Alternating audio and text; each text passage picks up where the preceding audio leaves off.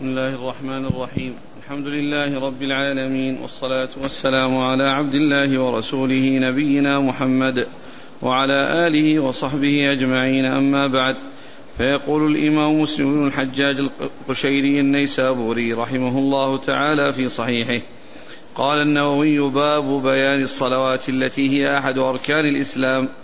قال حدثنا قتيبة بن سعيد بن جميل بن طريف بن عبد الله الثقفي عن مالك بن أنس فيما قرئ عليه عن أبي سهيل عن أبيه أنه سمع طلحة بن عبيد الله رضي الله عنه يقول جاء رجل إلى رسول الله صلى الله عليه وسلم من أهل نجد ثائر الرأس نسمع دوي صوته ولا نفقه ما يقول حتى دنا من الرسول حتى دنا من رسول الله صلى الله عليه وسلم فإذا هو يسأل عن الإسلام فقال رسول الله صلى الله عليه وسلم خمس صلوات في اليوم والليلة.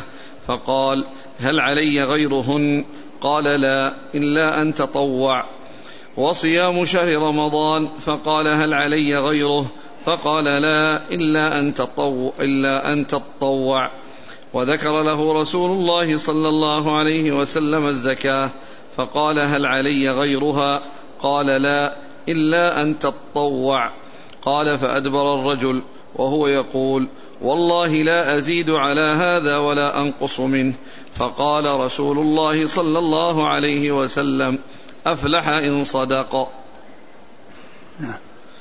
قال حدثني يحيى بن أيوب وقتيبة بن سعيد جميعا عن إسماعيل بن جعفر عن أبي سهيل عن أبيه عن طلحة بن عبيد الله رضي الله عنه عن النبي صلى الله عليه وسلم بهذا الحديث نحو حديث مالك غير أنه قال فقال رسول الله صلى الله عليه وسلم أفلح وأبيه إن صدق أو دخل الجنة وأبيه إن صدق. بسم الله الرحمن الرحيم. الحمد لله رب العالمين وصلى الله وسلم وبارك على عبده ورسوله نبينا محمد وعلى آله وأصحابه أجمعين. أما بعد فهذا يعني هذا الحديث الذي أورده الإمام مسلم رحمه الله يتعلق ببيان آه، أمور الإسلام. عندما جاء ذلك الرجل الأعرابي آه، يسأله فأجابه عليه الصلاة والسلام بهذا بهذا الجواب. وفي أوله أنه جاء رجل آه، من أهل من أهل نجد ثائر الرأس يسمعون دوي صوته ولا يفقهون ما يقول. وقوله آه، ثائر الرأس يعني أن رأسه منتفش وأشعث يعني ليس مرتبا ولا منظما ولا يعني آه، استعمل فيه شيء الذي يعني يجعله يعني آه، يعني مستقيما وإنما كان أشعث يعني مغبر يعني آه، ثائر قائم يعني شعور شعر واقف ليس مسترسلا لكونه يخدم ولكونه يعني يمشط وإنما يعني كان كأنه متروك. آه، ف وقال إنه من أهل النجد والنجد المقصود المكان المرتفع. النجد المكان المرتفع. وليس خاصا بنجد البلد المعروف. الذي هو اليمامة لأن نجدا يطلق على كل ما علا وارتفع. ولهذا يعني آه يقال يعني في مساء الطائف والجهات الجنوبية التي هي عالية مرتفعة أن ميقاتهم يعني ذو قرن المنازل الذي هو ميقات أهل نجد ليس المقصود بنجد اليمامة وإنما المقصود به كل ما كان من جهة, جهة تلك الجهة وكان مرتفعا. وكان من الأماكن مرتفعة فإن هذا يقال له نجد ويقابله تهامة لأنها المكان المنخفض ولهذا قال أنجد وأغور يعني إذا مشى في نجد يعني في الأماكن العالية وأغور إذا مشى في الغور ومشى في المكان المنخفض. آه، آه، يسمعون آه، دوي صوته ولا يفقهون ما يقول. وقيل معنى أنه يسمعون دوي صوته يعني أنه كان من مكان بعيد فيسمعون صوته المرتفع ولكنهم لا يفقهون ما يقول لكونه غير قريب منهم. أو أن المقصود به أنه متتابع بحيث يعني يسمع الصوت ولا يفقه يعني ذلك الكلام الذي قاله. حتى دنا من رسول الله عليه الصلاة والسلام. فلما دنا من صلى الله وإذا هو يسأل عن الإسلام وإذا هو يسأل عن الإسلام فأجابه النبي صلى الله عليه وسلم بقوله قال إيش؟ سؤال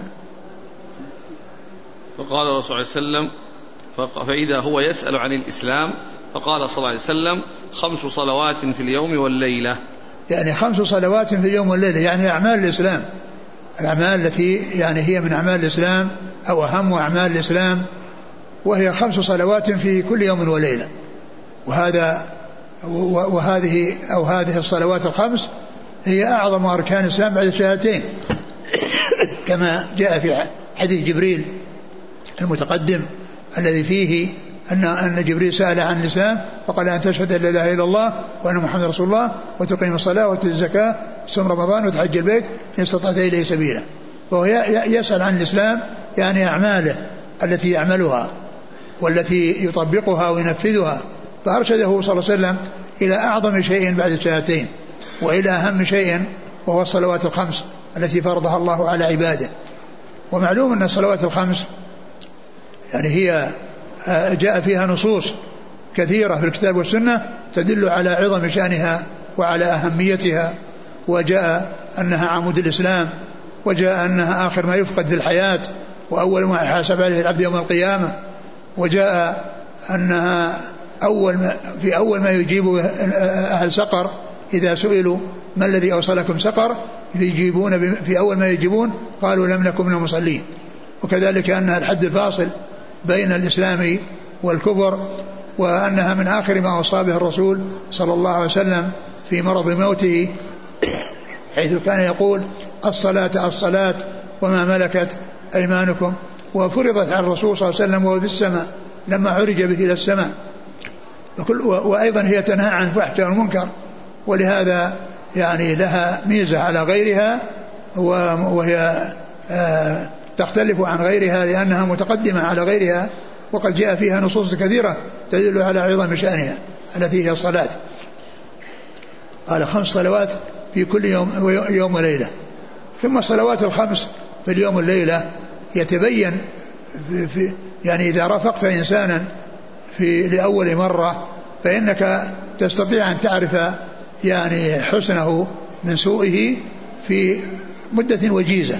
فإذا كان من أهل الصلاة فهذه علامة على أنه من أهل الخير وإذا كان يعني لم يكن موفقا في ذلك فهذه علامة علامة أنه سيء وأنه منحرف عن, عن الجادة وعن الصراط المستقيم.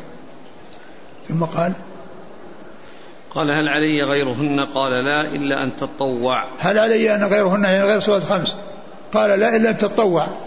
يعني أن أن يعني ما عدا هؤلاء الصلوات الخمس التي هي في اليوم والليلة يعني التطوع.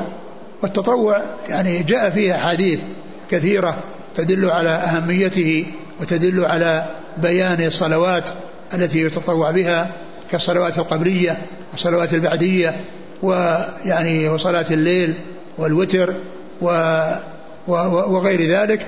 مما جاء ما جاء جاءت به السنة عن رسول الله عليه الصلاة والسلام. فهذه آه، تكون زائدة على الفرض وهي تكمل بها صلاة الفرض إن لم يكن أتمها كما جاء في ذلك الحديث عن رسول الله عليه الصلاة والسلام. آه نعم. قال. قال وصيام شهر رمضان. وقال شهر وصيام شهر رمضان وهو أحد أركان الإسلام. قال هل علي؟ غيره قال لا أن تتطوع نعم. نعم بعده وذكر الله عليه وسلم الزكاة. وذكر, وذكر الزكاة.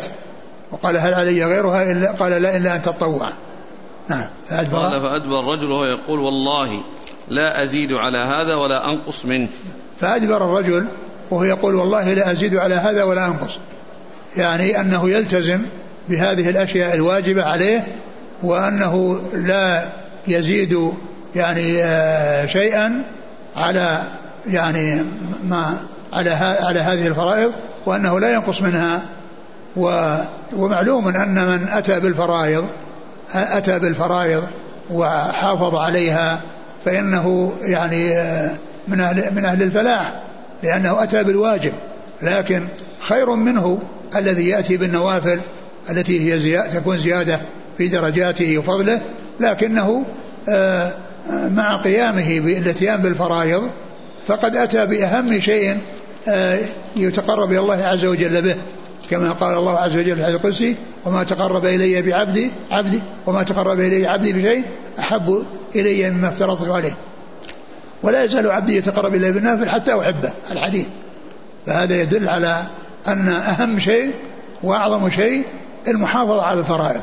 ثم يؤتى بالنوافل التي وراء ذلك ولا شك أن الإتيان بالنوافل فيه زيادة أجر وفيه زيادة كمال وفيه آه، تفاوت بين الناس يعني في في في, في كثرة الأجور وكثرة الثواب لأن الفرائض كل الناس ملزمون بها وأما ما عدا ذلك ليس فيه إلزام ولكنه رغب فيه وحث عليه والموفق هو الذي يأتي بالفرائض ويأتي بما أمكنه من النوافل ولو كان قليلا. لقوله صلى الله عليه وسلم أحب العمل إلى الله ما داوم عليه صاحبه وإن قل. أحب العمل إلى الله ما داوم عليه صاحبه وإن قل. وهذا المقصود به النوافل. وإلا فإن الفرائض هذه لا بد منها لكل أحد. قال آه، والله والله لا أجد هذا أنقص قال إيش؟ قال بعد ذلك. فقال صلى الله عليه وسلم أفلح إن صدق. فقال عليه الصلاة والسلام أفلح إن صدق. يعني إن صدق يعني فيما قال فهو من الفلاح. صدق في فيما قال أنه سيأتي بهذه الأمور المطلوبة منه ف فإنه من أهل الفلاح. فإنه من أهل الفلاح أفلح إن صدق. وجاء في الرواية التي بعدها إيش الرواية؟ الطريقة الثانية. نعم. إيش قال؟ فقال صلى الله عليه وسلم أفلح وأبيه إن صدق أو دخل الجنة وأبيه إن صدق. والطريقة الثانية قال أفلح وأبيه إن صدق أو دخل الجنة أو دخل الجنة وأبيه إن صدق. يعني فهذا فيه قوله أبيه قوله أبيه. قد استشكل هذا يعني مع كون الرسول صلى الله عليه وسلم جاء عنه النهي عن الحلف بغير الله. قال صلى الله عليه وسلم من كان حالفا فليحلف بالله أو ليصمت. قال لا تحلفوا بآبائكم ولا بأمهاتكم ولا تحلفوا إلا بالله ولا تحلفوا إلا وأنتم صادقون. ومع ذلك جاء في هذا الحديث يعني ذكر الحلف بالأب. قال أفلح وأبيه إن صدق. وقد أجاب العلماء عن هذه عن هذا بأجوبة. منها؟ قالوا أن هذا مما تجري يعني يجري على الألسنة ولا يقصد به الحلف وتعظيم غير الله عز وجل. وقيل إن هذا قبل أن ينهى عن الحلف بغير الله. وقيل وهو الأقرب أن هذا من قبيل الشاذ أن هذا من قبيل الشاذ الذي جاء من طريق صحيح ولكنه مخالف في مخالفة الثقة لمن هو أوثق منه. مخالفة الثقة لمن هو أوثق منه.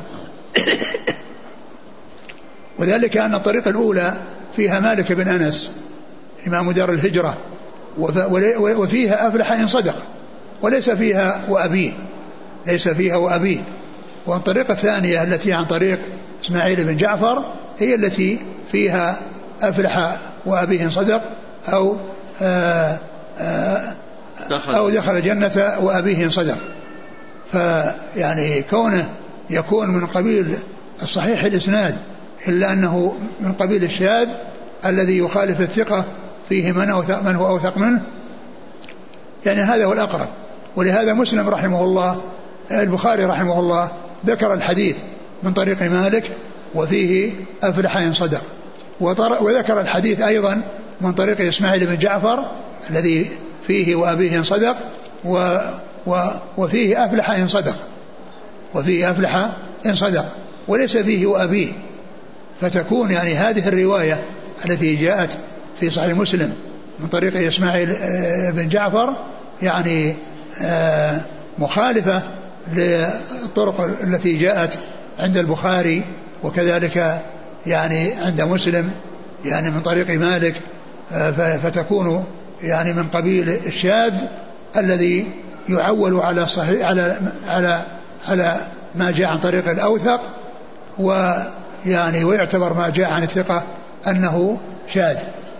ولهذا تعريف الصحيح عند العلماء ما رواه عدل تام الضبط متصل السند غير معلل ولا شاذ لأنه إذا كان شاذا فهو إن كان من طريق صحيح فإنه يكون يعني العبرة العبرة بالمحفوظ وليس وليس بالشاذ. المحفوظ هو رواية الأوثق مخالفا الثقة والشاذ رواية الثقة مخالفا الأوثق. فيكون يعني ترجيح يعني الرواية التي التي ليس فيها الحلف يعني والتي جاءت في صحيح البخاري من طريق إسماعيل بن جعفر نفسه الذي جاء من طريقه عند مسلم يعني ذكر وأبيه و يعني هي, هي الراجحة وهي المقدمة وتكون هذه شاذة ولعل هذا هو الأقرب يعني من من من يعني من, من الوجوه التي ذكرها بعض العلماء نعم. قوله صلى الله عليه وسلم أفلح وأبيه إن صدق هذا مما جرت عادتهم أن يسألوا عن الجواب عنه مع قوله صلى الله عليه وسلم من كان حالفا يعني التوفيق يعني قصدهم يسألون عنه للتوفيق. نعم وقوله صلى الله عليه وسلم إن الله ينهاكم أن تحلفوا بآبائكم.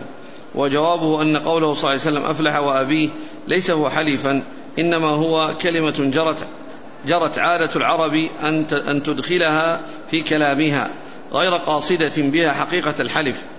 والنهي إنما ورد في من قصد حقيقة الحلف لما فيه من إعظام المحلوف به.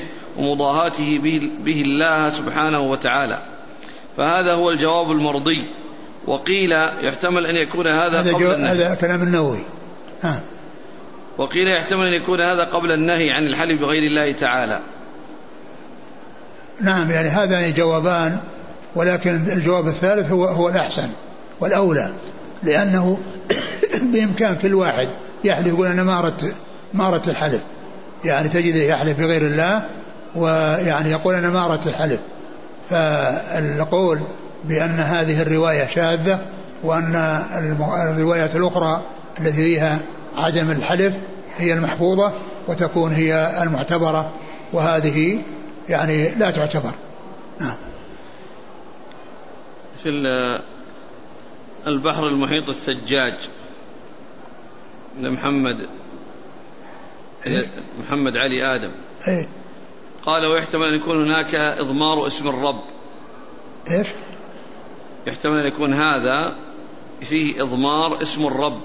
كأنه قال ورب أبيه والله الأصل الأصل عدم الإضمار؟ الأصل هو عدم الإضمار؟ لكن الطريق هذا الذي يعني ذكره بعض أهل العلم من أنه شاذ هو الأقرب. وقيل هو خاص ويحتاج إلى دليل. وقيل هو خاص نعم إيش معنى خاص؟ يعني خاص بالرسول؟ أيه؟ يعني هذا يعني كونه يضاف إلى الرسول صلى الله عليه وسلم يعني هو أعظم من إضافته إلى غيره. نعم. وحكى السهيلي عن بعض مشايخه أنه قال هو تصحيف وإنما كان والله فقصرت اللامان واستنكر القرطبي هذا نعم. وقال إنه يخرم الثقة بالروايات الصحيحة. نعم. وغفل القرافي فادعى أن الرواية بلفظ وأبيه لم تصح لأنها ليست في الموطأ وكأنه لم لم يرتضي الجواب فعدل إلى رد الخبر وهو صحيح لا مرية فيه. وأقوى الأجوبة الأولان.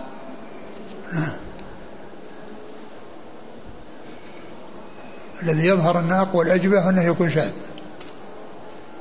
وإن كان جاء من طريق ثقة إلا أن هذا الذي جاء من طريقه يعني جاء عنه في البخاري عدم ذكر الحلف بالأب وإنما قال أفلح إن صدق. نعم.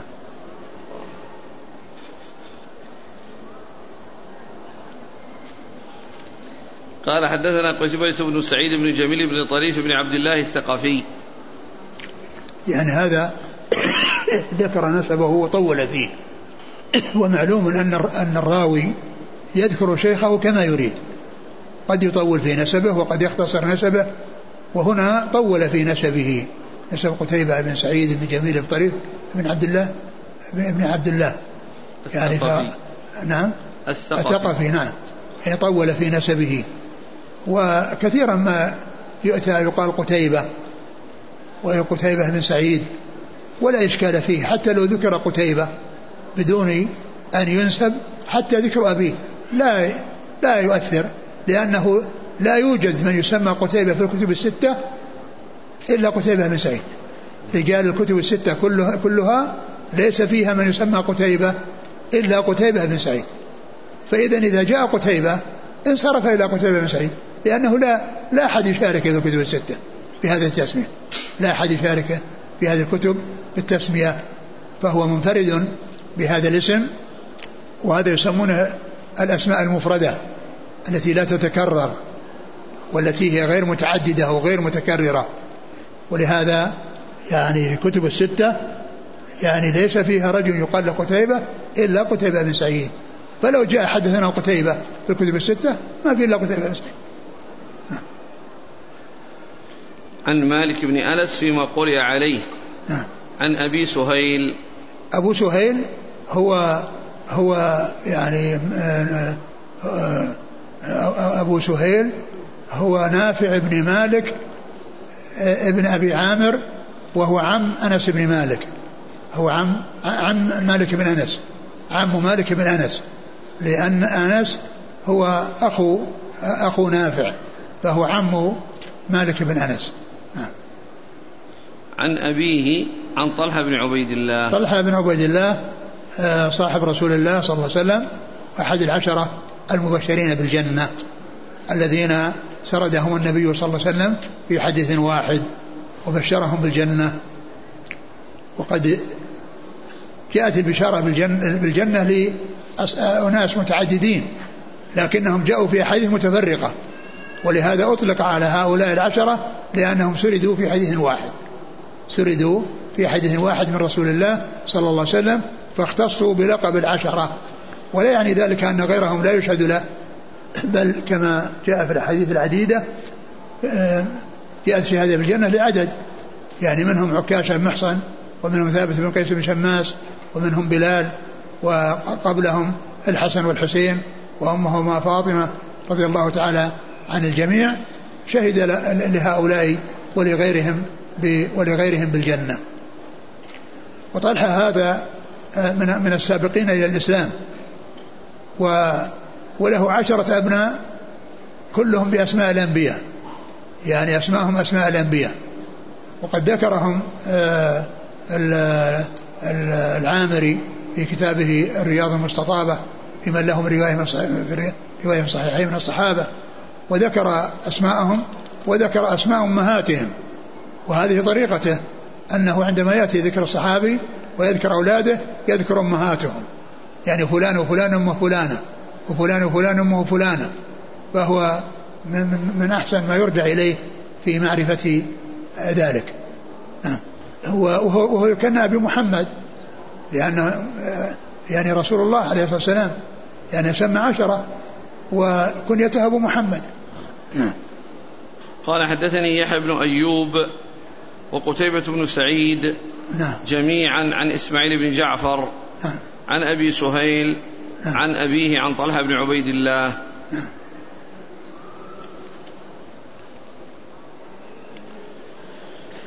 قال رحمه الله تعالى حدثني عمرو بن محمد بن بكير الناقد قال حدثنا هاشم بن القاسم أبو النضر قال حدثنا سليمان بن المغيرة عن ثابت عن أنس بن مالك رضي الله عنه أنه قال نهينا أن نسأل رسول الله صلى الله عليه وسلم عن شيء فكان يعجبنا أن يجيء الرجل من أهل البادية العاقل فيسأله ونحن نسمع فجاء رجل من أهل البادية فقال يا محمد أتانا رسولك فزعم لنا أنك تزعم أن الله أرسلك. قال صدق. قال فمن خلق السماء؟ قال الله. قال فمن خلق الأرض؟ قال الله. قال فمن نصب هذه الجبال؟ وجعل فيها ما جعل. قال الله قال فبالذي خلق السماء وخلق الأرض ونصب هذه الجبال آه الله أرسلك؟ قال نعم. قال وزعم رسولك أن علينا خمس صلوات في يومنا وليلتنا. قال صدق. قال فبالذي أرسلك؟ آه الله أمرك بهذا؟ قال نعم. قال وزعم رسولك أن علينا زكاة في أموالنا. قال صدق. قال فبالذي أرسلك؟ آه الله أمرك بهذا؟ قال نعم. قال وزعم رسولك أن علينا صوم شهر رمضان في سنتنا. قال صدق. قال فبالذي أرسلك؟ آه الله أمرك بهذا؟ قال نعم. قال وزعم رسولك أن علينا حج البيت من حج البيت من استطاع إليه سبيلا. قال صدق. قال ثم ولى قال والذي بعثك بالحق لا أزيد عليهن ولا أنقص منهن. فقال النبي صلى الله عليه وسلم لئن صدق ليدخلن الجنة. ثم قال حدثني عبد الله بن هاشم العبدي. قال حدثنا بهز. قال حدثنا سليمان بن المغيرة عن ثابت. قال قال أنس رضي الله عنه كنا نهينا في القرآن أن نسأل رسول الله صلى الله عليه وسلم عن شيء وساق الحديث بمثله. ثم ذكر آه، وهذا الحديث الذي هو حديث يعني الذي الذي تقدم هو يعني قيل إن اسمه ضمام ضمام بن ثعلبة. ضمام بن ثعلبة. يعني هذا هو الذي جاء وصف بأنه ثائر الرأس وأنهم يسمعون دوي صوته ولا يفقهون ما يقول. يعني يعني قيل إنه أو ذكر أو جاء في بعض الروايات أنه ضمام بن ثعلبه نعم. والحديث الثاني عن أنس رضي الله عنه قال أنه كان قال نهينا عن عن السؤال يعني سؤال رسول الله صلى الله عليه وسلم. وفي الرواية الثانية قال نهينا في القرآن. يعني في قوله يا ايها الذين آمنوا لا تسألوا عن أشياء ان, إن تبدأ لكم تسؤكم.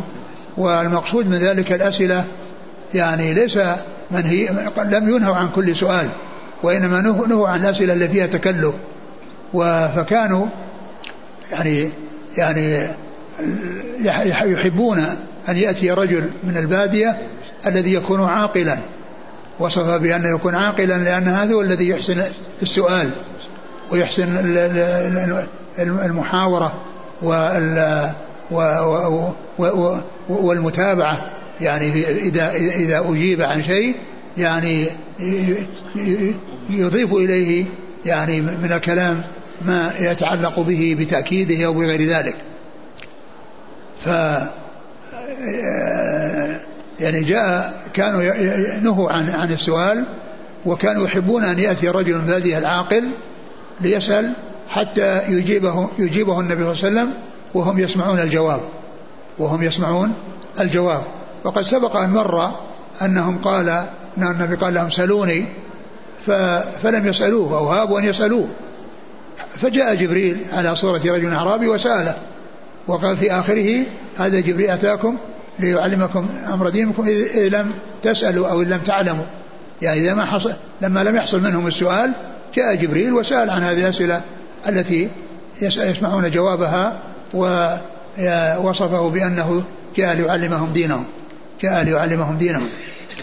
فهذا الرجل أو هذا الأعرابي الذي جاء سأل النبي صلى الله عليه وسلم عن آه، أن أن أن أن رسوله يعني الذي أرسل الذي أرسل لدعوتهم إلى الحق والهدى وقال زعم رسولك. يعني رسول رسول الله عليه الصلاة والسلام. وكلمة زعم هذه المقصود بها الخبر المحقق. يعني ليس كل يعني لأن يطلق الخبر المحقق ويطلق على الكذب ويطلق على الخبر المشكوك فيه. وهنا المقصود به الخبر المحقق وقد جاء في أحاديث كثيرة ذكر الزعم يعني ويراد به الخبر المحقق ولا يراد به المشكوك فيه أو المكذوب وإنما يعني يضيفون ذلك إلى إلى إلى الرسول صلى الله عليه وسلم وإلى غيره. والمقصود من ذلك أنه خبر محقق. زعم رسولك؟ قال إيش؟ أول سؤال. قال يا محمد أتانا رسولك فزعم لنا أنك تزعم أن الله أرسلك. زعم لنا أنك تزعم. يعني أن الله أرسلك. فقال صدق. نعم. نعم. قال فمن خلق السماء؟ فعاد فسأله أسئلة. ليس المقصود يعني معرفة الجواب وإنما ليبني عليها الأسئلة التي بعدها أو السؤال الذي بعدها. فزعم قال فقال إنك؟ قال فمن خلق السماء؟ فمن خلق السماء. يعني سأل الرسول من خلق السماء؟ لا يعني ذلك أنه لا يعرف من خلق السماء. وإنما يريد من ذلك أن يبني عليه الكلام الذي بعده. فمن خلق السماء ومن خلق الأرض ومن خلق الجبال. ثم قال إيش؟ فبالذي خلق السماء وخلق الأرض ونصب هذه الجبال آه الله أرسلك. يعني حلف بالذي خلق السماء والأرض ونصب الجبال يعني أن وسأله أن الله تعالى أرسله فأخبره بأن بأن بأن بأن, بأن الله أرسله وأجابه بذلك. اذا هذا السؤال وهذه الأسئلة ليست كان يجهل الجواب بل هو عارف بالجواب ويؤمن بهذه الأشياء ولكن أراد أن يبني عليها يعني ما بعدها بأن يحلف بالله وبهذه الأفعال التي فعلها بفعله وبخلقه وإيجاده يعني الذي الذي فعل كذا وكذا والذي خلق كذا وكذا يعني حلف بالله عز وجل. إذا هذا هو المقصود من هذا السؤال وإنما ليبني عليه الجواب الذي سيأتي به. لا أنه جاهل بأن الله هو الذي خلق الأرض وخلق السماء ونصب الجبال. وهو جاء وهو مسلم. ما قال يعني ما جاء وهو كافر وإنما أراد أن يستوثق وأن يعني يعني يسمع ذلك من رسول الله صلى الله عليه وسلم. نعم. بعده. قال فبال قال وزعم رسولك أن علينا خمس صلوات في يومنا وليلتنا. نعم. قال صدق. قال فبالذي أرسلك. آه الله أمرك بهذا. قال نعم. قال وزعم رسولك أن علينا زكاة في أموالنا. قال صدق. قال فبالذي أرسلك. آه الله أمرك بهذا. قال نعم. قال وزعمك وزعم رسولك أن علينا صوم شهر رمضان في سنتنا. قال صدق. قال فبالذي أرسلك. آه الله أمرك بهذا. قال نعم. قال وزعم رسولك أن علينا حج البيت من استطاع إليه سبيلا. قال صدق. قال ثم ولى قال والذي بعثك بالحق لا أزيد عليهن ولا أنقص منهن. فقال النبي صلى الله عليه وسلم لئن صدق ليدخلن الجنة. ثم ذكر يعني آه، آه، ما يتعلق يعني أولا ذكر الرسالة وحصول الإرسال. ثم الصلاة ثم الزكاة والصيام والحج يعني التي هي أعمال الإسلام أو التي هي أركان الإسلام يعني بعد يعني بعد الشهادتين لأنه ذكر في الأول يعني الرسالة وأن الله أرسله ومعلوم أن هذا فيه الإيمان بالله وبرسوله صلى الله عليه وسلم والشهادة لله ولرسوله صلى الله عليه وسلم فكأن الحديث مشتمل على أركان الإسلام الخمسة على أركان الإسلام الخمسة التي جاءت في حديث جبريل. ولا شك أن يعني هذا السؤال وهذه الأسئلة يعني من هذا الرجل تدل على عقله وعلى أنه عاقل يعني حيث يعني آه، ذكر هذه الأمور وبنى عليها الحلف الحلف بالله عز وجل الذي خلقها وأوجدها. ثم أخبر بأنه لا يزيد على هذا ولا ينقص. فقال فقال لئن صدق لا يدخل الجنة؟ نعم. قال لئن صدق لا يدخلن الجنة. لئن صدق لا يدخلن الجنة. هذا من جنس ما تقدم في قصة إمام طمام بن ثعلبة الذي قال أفلح إن صدق. أو لا يدخلن الجنة إن صدق. نعم. وفي الرواية الثانية قال أنس كنا نهينا في القرآن. يعني النهي في القرآن لا يسألون عن شيء تبدأ لكم تسألكم. هذا هو هذا هو النهي. نعم. والمقصود من ذلك الأسئلة التي يعني فيها تكلف والتي لا حاجة إليها. نعم. قال حدثني عمرو بن عمرو بن محمد بن بكير الناقد نعم. عن هاشم بن القاسم أبي النضر نعم. عن سليمان بن المغيرة عن ثابت عن أنس بن مالك. نعم. قال حدثني عبد الله بن هاشم العبدي. قال حدثنا بهز عن سليمان بن المغيرة عن ثابت عن أنس. نعم طريقة أخرى فيها بهز. بهز بن أسد. نعم. قال رحمه الله تعالى حدثنا محمد بن عبد الله بن نمير. قال حدثنا أبي قال حدثنا عمرو بن عثمان. قال حدثنا موسى بن طلحة. قال حدثني أبو أيوب أن أعرابيا عرض لرسول الله صلى الله عليه وآله وسلم وهو في سفر. فأخذ بخطام ناقته أو بزمامها ثم قال يا رسول الله أو يا محمد أخبرني بما يقربني من الجنة وما يباعدني من النار. قال فكف النبي صلى الله عليه وسلم ثم نظر في أصحابه ثم قال لقد وفق أو لقد هدي. قال كيف قلت؟ قال فأعاد. فقال النبي صلى الله عليه وسلم تعبد الله لا تشرك به شيئا وتقيم الصلاة وتؤتي الزكاة وتصل الرحم دع الناقة.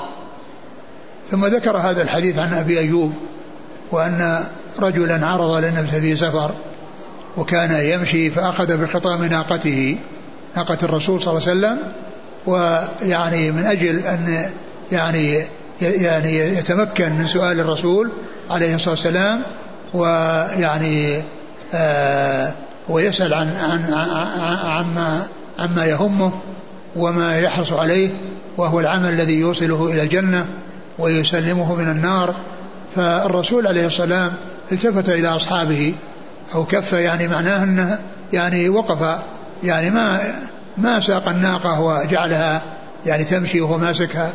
فالتفت إلى أصحابه فقال إن إنه قد هدي يعني يعني في سؤاله يعني يدل على أنه طلب يعني الخير الذي أن يعلم الخير الذي يوصله إلى الجنة ويسلمه من النار. ثم قال ماذا ما تقول؟ فأعاد عليه السؤال. فأعاد عليه السؤال فقال تعبد الله؟ لا تشرك به شيئا. تعبد الله لا تشرك به شيئا. وتقيم الصلاة وتؤتي الزكاة وتصل الرحم. تعبد الله لا تشرك به وتقيم الصلاة وتؤتي الزكاة وتصل الرحم وتصل الرحم. فذكر له جملة يعني من الأحكام الشرعية ومن الأمور المهمة ومن يعني من من من من أعلى ما يكون من من, من يعني شعائر الإسلام التي هي الصلاة والزكاة والصيام. لا لم يذكر. نعم ذكر فقط التوحيد والصلاة والزكاة التوحيد والصلاة والزكاة وصلة الرحم. التوحيد والصلاة والزكاة وصلة الرحم. صلة الرحم الذين هم الأقارب الذين يحسن إليهم ويصلهم بما يستطيع الإحسان إليهم سواء كان بالمال أو بالسؤال عن حالهم أو بمساعدتهم بأي شيء يعني يستدي يعني يستطيعه. ف فأرشده صلى الله عليه وسلم إلى هذه الأمور وأن هذه من أسباب يعني دخول الجنة وأسباب السلامة من النار. ثم قال له ثم قال دع الناقة. يعني معناه يترك يترك الخطام ويعني لتمشي لأنه حصل مقصوده دع الناقة يعني لتستمر في مشيها. نعم. قال حدثنا محمد بن عبد الله بن نمير عن أبيه نعم. عن عمرو بن عثمان نعم. عن موسى بن طلحة عن أبي أيوب. موسى بن طلحة هذا من أولاد طلحة بن عبد الله وهذا من أسماء الأنبياء. موسى بن طلحة. ما موسى بن طلحة بن عبد الله. وهو أحد العشرة من أبنائه الذين أسماءهم أسماء الأنبياء. نعم. عن أبي أيوب. الأنصاري نعم. قال وحدثني محمد بن حاتم وعبد الرحمن بن بشر. قال حدثنا بهز قال حدثنا شعبة قال حدثنا محمد بن عثمان بن عبد الله بن موهب وأبوه عثمان أنهما سمع موسى بن طلحة يحدث عن أبي أيوب رضي الله عنه عن النبي صلى الله عليه وسلم بمثل هذا الحديث. نعم. قال وحدثني محمد بن حاتم نعم. وعبد الرحمن بن بشر نعم. عن بهز بن أسد. عن شعبة نعم. عن محمد بن عثمان بن عبد الله بن موهب نعم وأبوه عثمان. نعم عن موسى بن طلحة عن أبي أيوب. يعني روى عن الإبن والأب جميعا. نعم قال حدثنا يحيى بن يحيى التميمي. قال أخبرنا أبو الأحوص. حاء قال وحدثنا أبو بكر بن أبي شيبة. قال حدثنا أبو الأحوص. عن أبي إسحاق. عن موسى بن طلحة. عن أبي أيوب رضي الله عنه أنه قال جاء رجل إلى النبي صلى الله عليه وآله وسلم فقال دلني على عمل أعمله يدنيني من الجنة ويباعدني من النار. قال تعبد الله لا تشرك به شيئا وتقيم الصلاة وتؤتي الزكاة وتصل ذا رحمك. فلما أدبر قال رسول الله صلى الله عليه وسلم إن تمسك بما أمر به دخل الجنة. وفي رواية ابن أبي شيبة إن تمسك به. ثم ذكر هذا الحديث حديث أبي أيوب من طريق أخرى وهو مثل مثل الذي قبله. وهذا كله يدلنا على اهتمام الصحابة بمعرفة أسباب السعادة ومعرفة الأعمال الصالحة التي تؤدي إلى الجنة وتخلص من النار. فهم يسألون عن ذلك ويسألون عن الأعمال الصالحة التي تقربهم من من الجنة وتبعدهم من النار. وهذا يدل على أن سؤال الجنة والاستعاذة بالله من عذاب النار والحرص على فعل الأسباب التي توصل الجنة أن هذا شأن الصالحين. وليس كما يقوله بعض الصوفية المنحرفين عن الجادة كما يقال عن أن التي يقال لها رابعة العدوية تقول ما عبدت الله رغبة في جنته ولا خوفا من ناره وإنما عبدته شوقا إليه. نعم. قال حدثنا يحيى بن يحيى التميمي. وقبل ذلك يعني يعني الله عز وجل جاء في القرآن عن إبراهيم قال قل اجعلني من ورثة جنة النعيم واجعلني من ورثة جنة النعيم. نعم. قال حدثنا يحيى بن يحيى التميمي نعم. عن أبي الأحوص. هو سلام بن سليم. وذكر من طريقين. قال إيش؟ قال وحدثنا أبو بكر بن أبي شيبة عن أبي الأحوص. أول. الأول إخبار والثاني تحديث. نعم العبارة. حدثنا يحيى بن يحيى التميمي قال أخبرنا أبو الأحوص. نعم. وأبو بكر بن شيبة قال حدثنا أبو الأحوص. يعني هذا من دقة مسلم رحمه الله. لأن كان الأصل يقول حدثني آه يعني آه يحيى بن يحيى يحيى, وأبو بكر بن شيبة عن أبي الأحوص.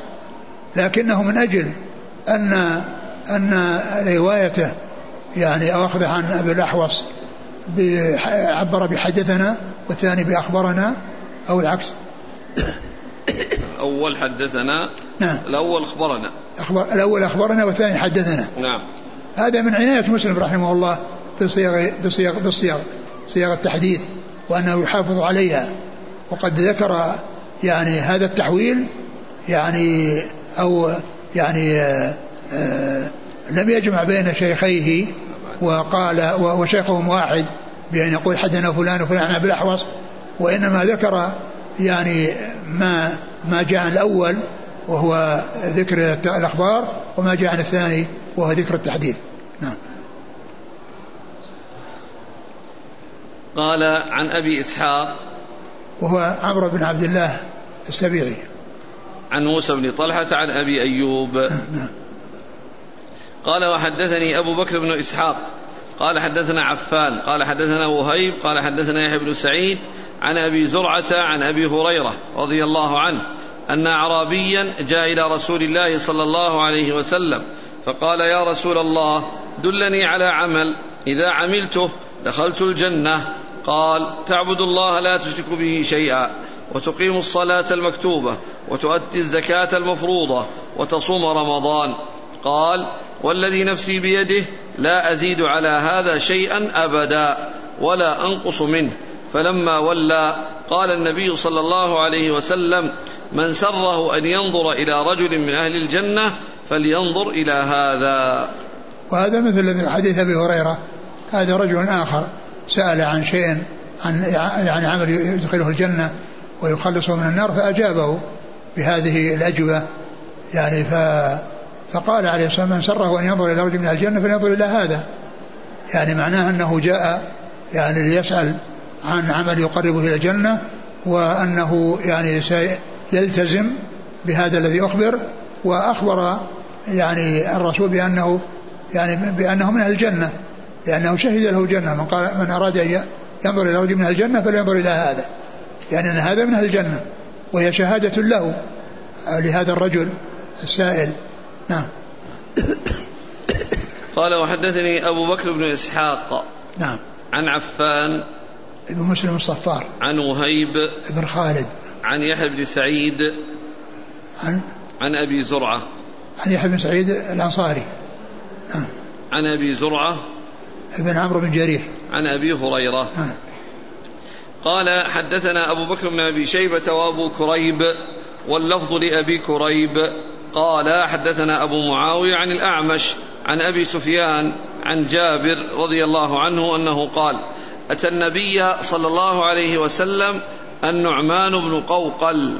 فقال يا رسول الله أرأيت إذا صليت المكتوبة وحرمت الحرام وأحللت الحلال أأدخل الجنة؟ فقال النبي صلى الله عليه وسلم نعم. ثم ذكر هذا الحديث عن جابر بن عبد الله أنه جاء اثنان من قوقل رضي الله عنه إلى رسول الله صلى الله عليه وسلم وقال أرأيت؟ يعني أخبرني إذا إذا إذا, إذا صليت إذا صليت؟ إذا صليت المكتوبة. وأديت الزكاة المفروضة؟ وحرمت الحرام وأحللت الحلال. وحرمت الحرام, وأحللت الحلال؟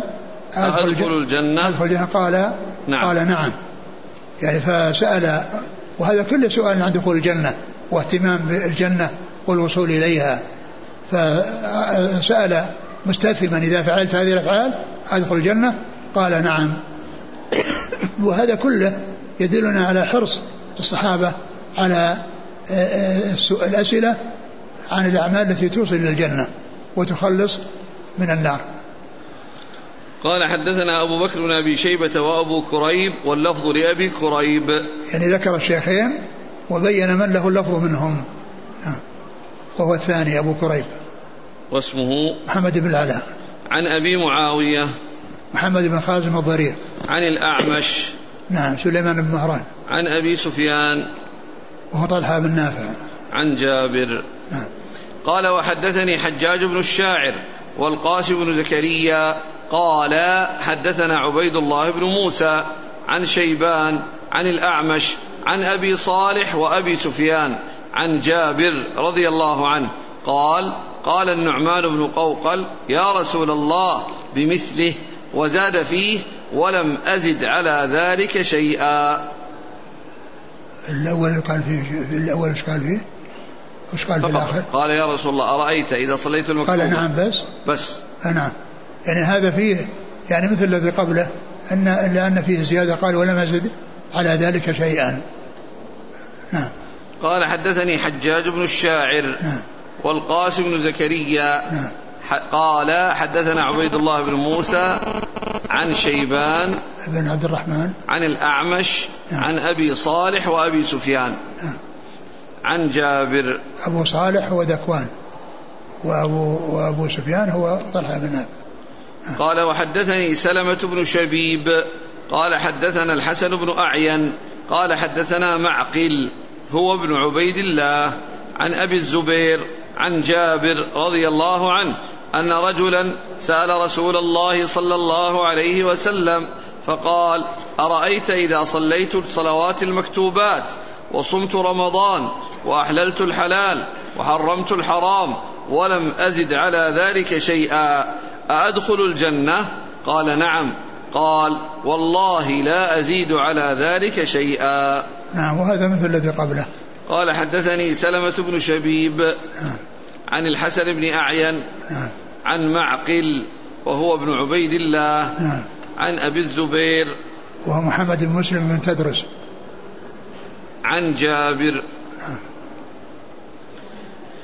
قال حدثنا محمد بن عبد الله بن نمير الهمداني قال حدثنا أبو خالد يعني سليمان بن حيان الأحمر عن أبي مالك الأشجعي عن سعد بن عبيدة عن ابن عمر رضي الله عنهما عن النبي صلى الله عليه وسلم أنه قال بني الإسلام على خمسة على أن يوحد الله وإقام الصلاة وإيتاء الزكاة وصيام رمضان والحج. فقال رجل الحج وصيام رمضان. قال لا صيام رمضان والحج. هكذا سمعته من رسول الله. فقال رجل؟ فقال رجل الحج وصيام رمضان. نعم. قال لا صيام رمضان والحج. هكذا سمعته من رسول الله صلى الله عليه وسلم. ثم ذكر يعني هذا الحديث عن عبد الله بن عمر رضي الله تعالى عنهما في آه في بيان أركان الإسلام. والذي فيه آه قوله بني الإسلام على خمس أو على خمسة. يعني هذا فيه بيان يعني عظيم شأن هذه الأركان. يعني حديث جبريل يعني فيه بيان آه الأركان. ولكن هنا في بيان أهمية هذه الأركان. لقوله بني يعني فهو يعني تشبيه يعني للشيء المعلوم يعني بالشيء المحسوس. فكما أن البنيان المحسوس لا يقوم إلا على أعمدة ولا يقوم يعني إلا يعني على يعني أسس يقوم عليها فكذلك الدين إنما يقوم على هذه الأركان. بني الإسلام على خمس. يعني فكما أن البناء الحسي يعني يكون يعني يبنى ويستفاد منه فكذلك البنيان المعنوي الذي فيه تشبيه بالحس لبيان أهميته وعظيم شأنه. ومعلوم أن أن أن أن الأركان هي هي التي يقوم عليها البنيان والصلاة التي هي أعظم هذه الأركان وصفت بأنها عمود الإسلام وصفت بأنها عمود الإسلام وذلك لأهميتها وعظيم شأنها.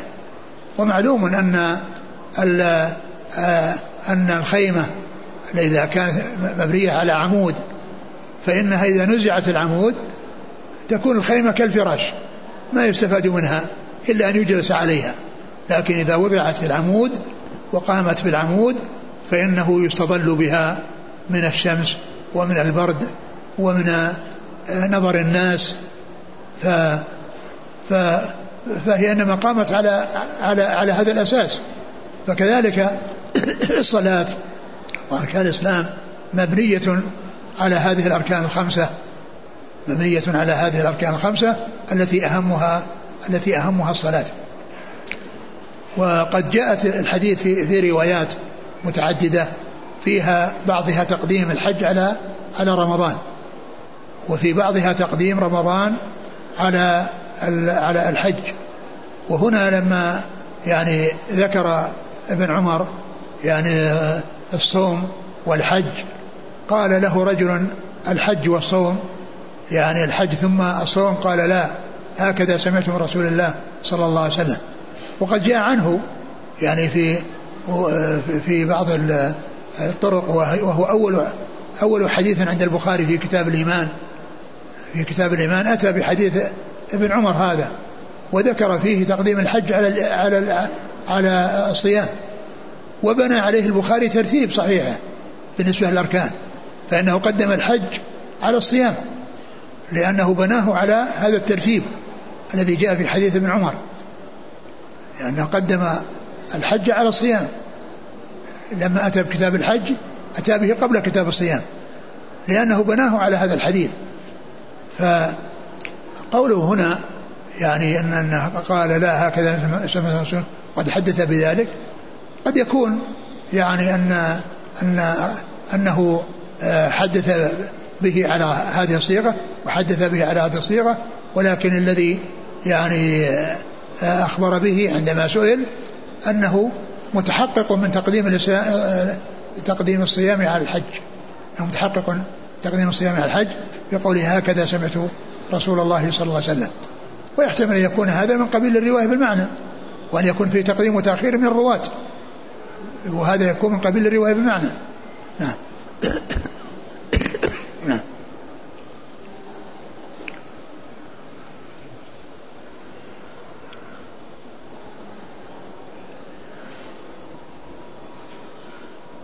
الإسناد نقرأ ها؟ لأن في كلام النووي كذا وغيره من هذا نعم. نقل الإسناد أولا قال حدثنا محمد بن عبد الله بن نمير الهمداني نعم. عن أبي خالد يعني سليمان بن حيان الأحمر نعم.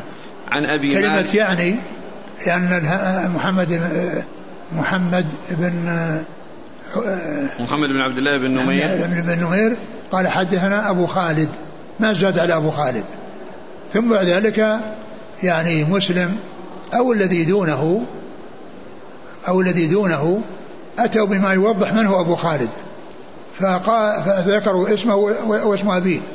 قالوا هو سليمان بن حيان. الأحمر. الأحمر قال يعني. نعم. فكلمة يعني هذه قالها من دون آه التلميذ موضحا آه من المراد بشيخ هذا التلميذ؟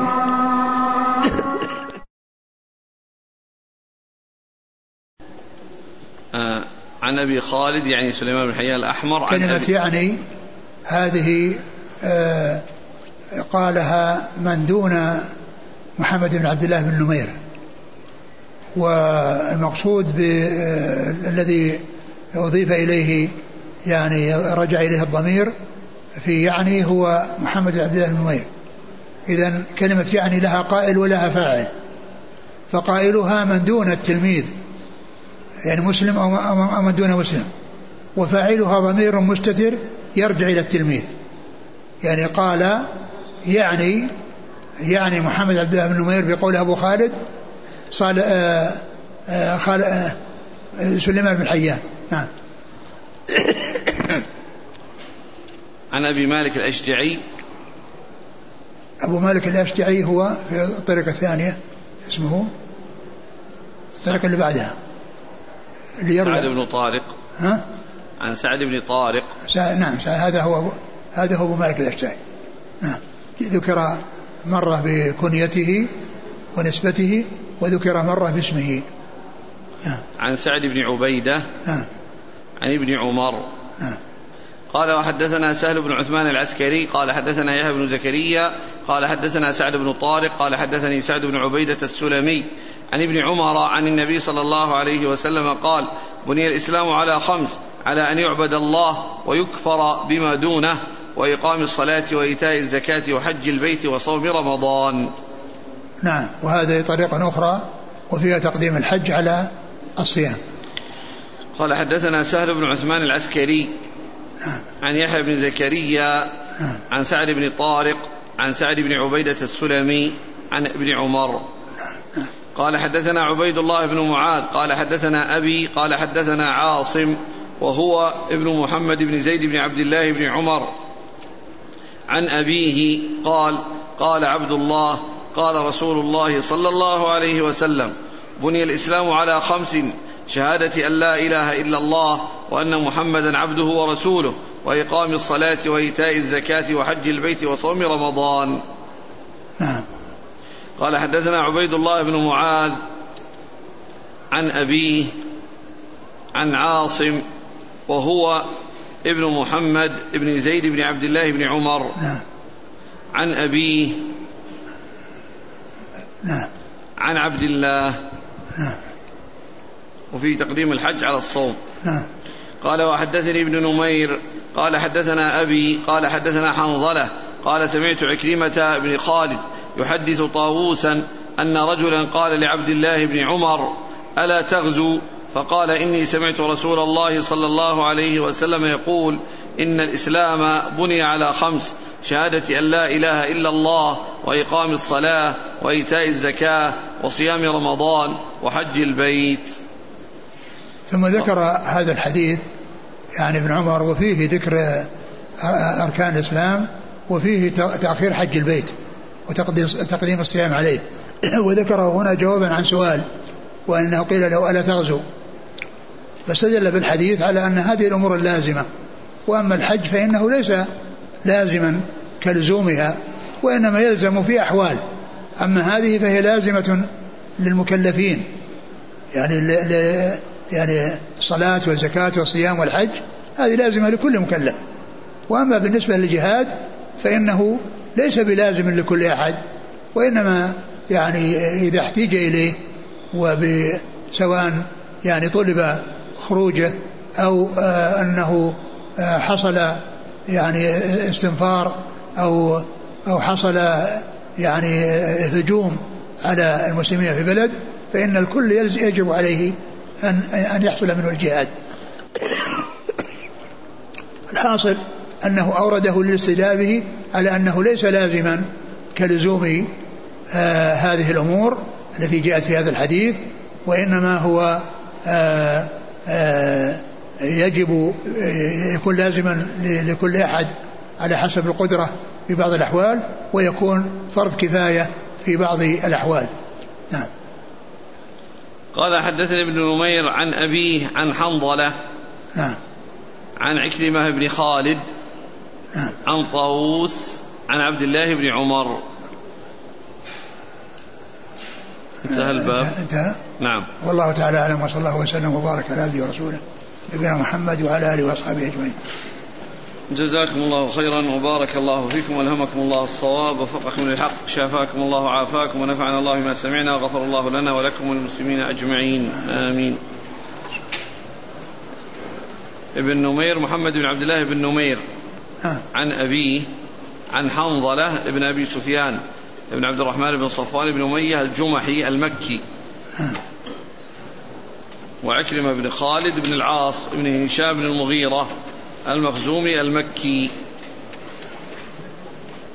وهذا الرجل الذي سأل عبد الله اسمه يزيد بن بشر السكسكي كما ذكره الخطيب في مبهماته.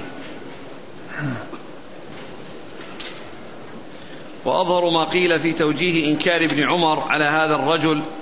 قول من قال إن ابن عمر رضي الله عنهما سمعه من النبي صلى الله عليه وسلم مرتين. مرة بتقديم الحج ومرة بتقديم الصوم. إيش إيش؟ أعد.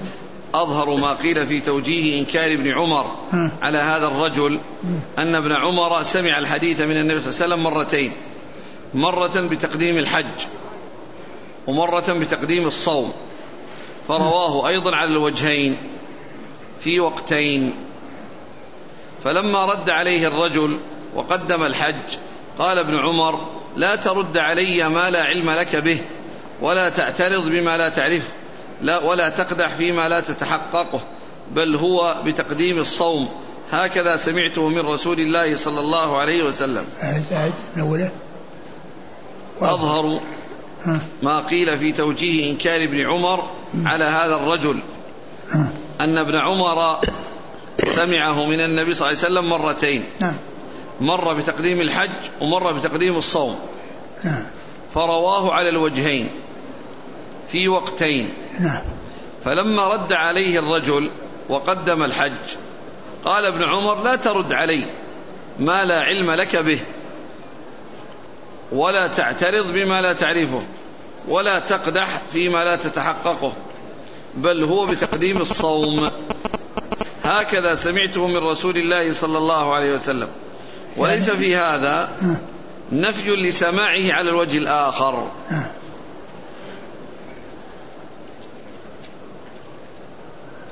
هذا ما قاله النووي قال تقديم الحج وتأخيره ففي الرواية الأولى والرابعة تقديم الصيام وفي الثانية والثالثة تقديم الحج. ثم اختلف العلماء في إنكار ابن عمر على الرجل الذي قدم الحج مع أن ابن عمر رواه كذلك. كذا وقع في الطريقين المذكورين والأظهر والله أعلم أنه يحتمل أن ابن عمر سمعه من النبي صلى الله عليه وسلم مرتين مرة بتقديم الحج ومرة بتقديم الصوم فرواه أيضا على الوجهين في وقتين. فلما رد عليه الرجل وقدم الحج قال ابن عمر لا ترد علي ما لا علم لك به بل هو بتقديم الصوم هكذا سمعته من رسول الله صلى الله عليه وسلم وليس في هذا نفي لسماعه على الوجه الآخر. ثم قال احتمال وقد آخر. وقد يكون نسي هكذا قال. واحتمل أن ابن عمر كان سمعه مرتين في الوجهين كما ذكرنا ثم لما رد عليه الرجل نسي الوجه الذي رده فأنكره. فهذا الاحتمالان هما المختاران في هذا. الله